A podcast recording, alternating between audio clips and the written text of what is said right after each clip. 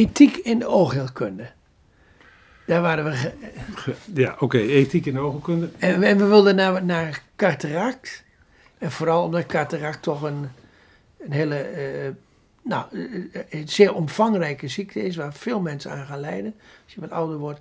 En het is de belangrijkste oorzaak om blind te worden. En, en daarvoor zijn gewoon hele goede technieken ontwikkeld.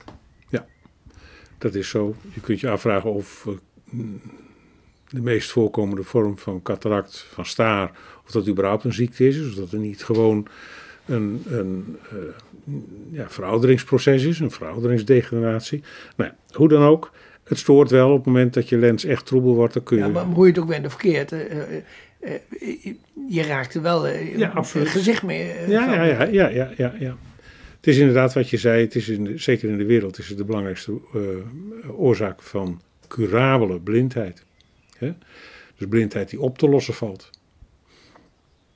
Nou, wat de aanleiding is, dat, dat is dat we, eh, er zijn richtlijnen en dat is min of meer een beschrijving van de state of the art. Hè? Dus datgene wat de standaard geacht kan worden van goede medische hulp in een bepaald geval.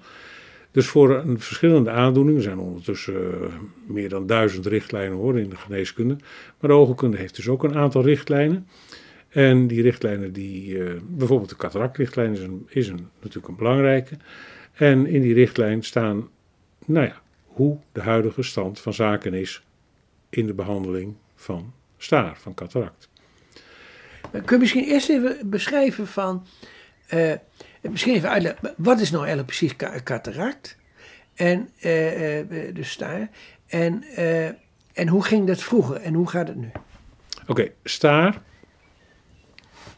is het troebel worden, dat is de grijze staar. Want vroeger werd er nog onderscheid gemaakt in verschillende vormen van staar.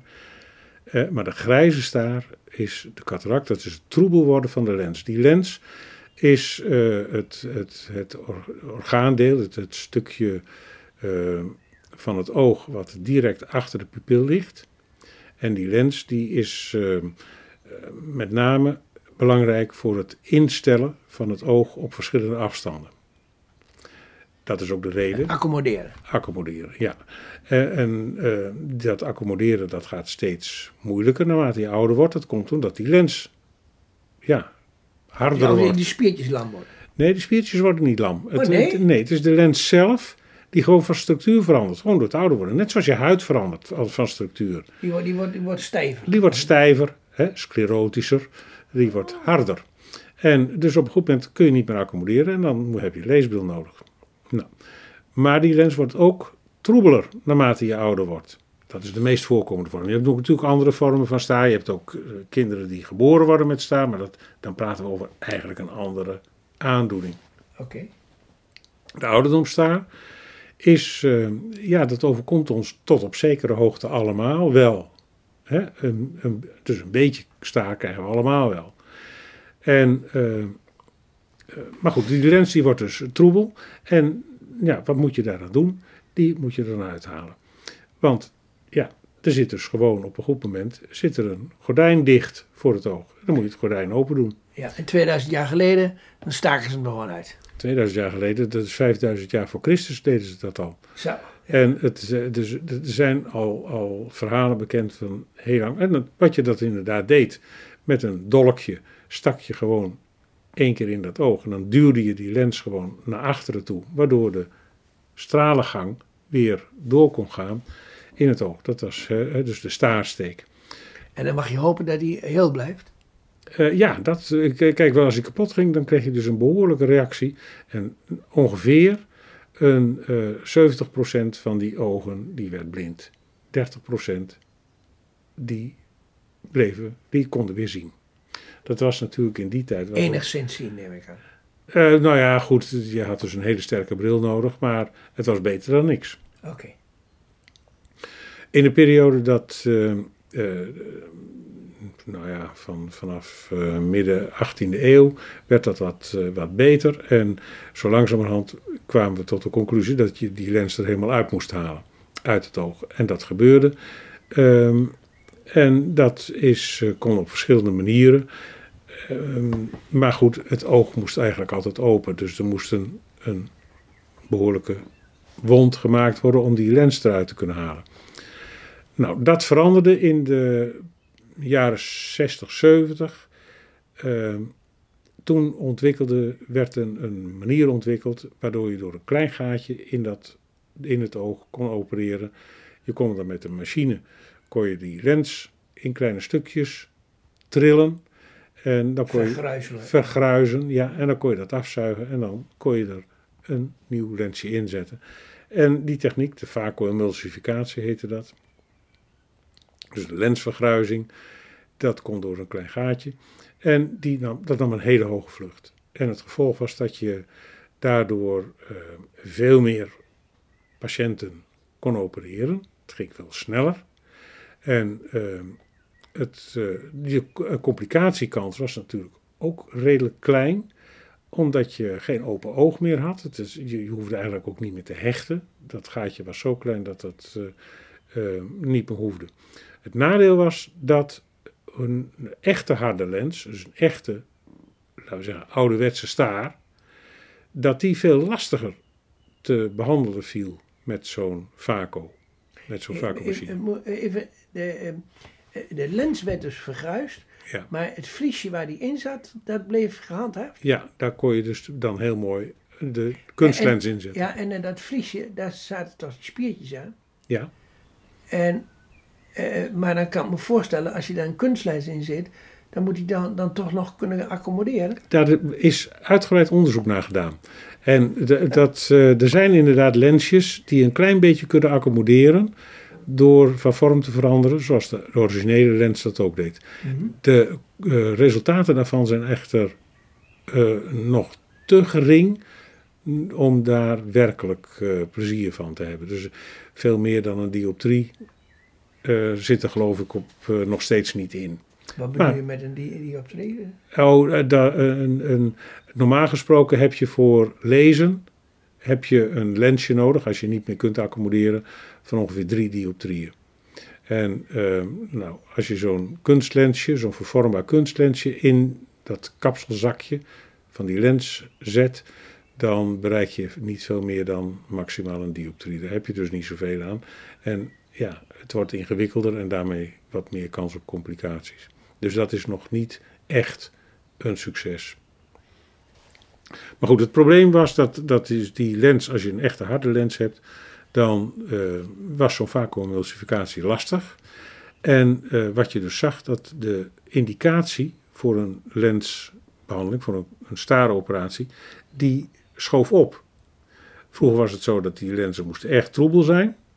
En Dus dan moest je eh, eh, bijna blind zijn. nou, bijna blind zo erg was het nou ook weer niet. Maar het, hè, er moest wel wat eh, duidelijke verbindende gezichtsvermogen zijn door de lens. Want anders dan kon je er beter niet aan beginnen. Nu werd het zo dat die lenzen, eh, dat die eh, operaties al plaatsvonden bij steeds helderder lenzen. En ehm, uiteindelijk was het gevolg dat er op ja, vrij heldere lenzen al geopereerd werd en dat er veel meer geopereerd werd. Ondertussen worden er in Nederland eh, zo'n eh 190.000 staaroperaties per jaar verricht. En je kunt je afvragen, en dat is dan meteen, laten we zeggen, een, een ethisch eh, eh, vraag. Dus een, een, van, doen we er verstandig aan om inderdaad gewoon ja, bijna heldere lenzen al te opereren? Moeten we dat wel doen? En wat is jouw antwoord daarop? Nou ja, je kunt ten eerste eh, zijn er mensen die, eh, die natuurlijk sterke brillen hebben en vervelende. eh, die kun je daarmee ook corrigeren. Eh, punt twee is dat. eh, eh, er zijn natuurlijk, behalve dat je gezichtsvermogen afneemt, kun heb je ook concentratie, of ehm, hoe heet dat? Ehm, ehm, eh, lichtinval. Hè, van, eh, van de, wat wat, wat eh, vervelend kan zijn bij een staart, dus dat je dus wel eerder verblind wordt. En eh, contrastvermindering kan een rol spelen. Dus kortom, er zijn best indicaties waarop je ook bij een redelijk heldere lens wel verstandig is om te opereren. Eh, ehm, maar ja, ehm, goed, dit is natuurlijk altijd een, eh, altijd een overweging. Maar heeft er ook, ook mee te maken van hoe lang zo'n lens blijft zitten en hoe, hoe lang die eh, goed blijft? De implantlens, de kunstlens, Ja? voor zover eh, we weten, eh hoeven ehm, kunstlenzen er niet meer uit als ze er eenmaal erin zitten. Het is dus niet zo wat je bijvoorbeeld bij, eh, bij de, de orthopedische protheses ziet, dat die hebben een levensduur van 15 tot ondertussen 20 jaar. De, de implantlenzen worden geacht levenslang te kunnen blijven zitten. Oké, daar zitten dus geen ethische problemen. Daar zit geen ethisch probleem, nee. Nee, maar in het, de, de, het indicatie stellen van wanneer we gaan opereren, wanneer we wel of niet moeten opereren, ik denk dat daar wel een ethische vraag, een ethische overweging bij hoort. Wanneer moet ik wel en wanneer moet ik niet opereren?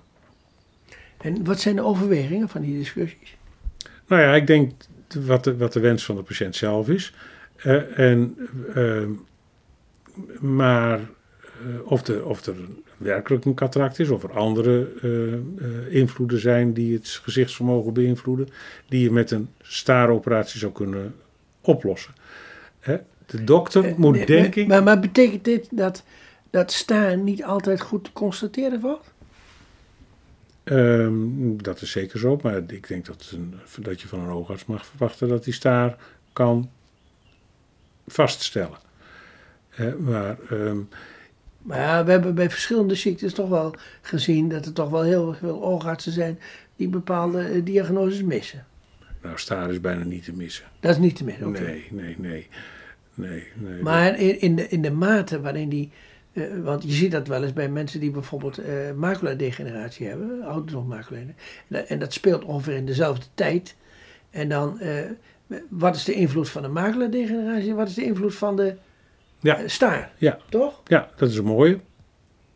Hè, moet je, ehm, maar goed, daar, daar moet je dus proberen achter zien te komen.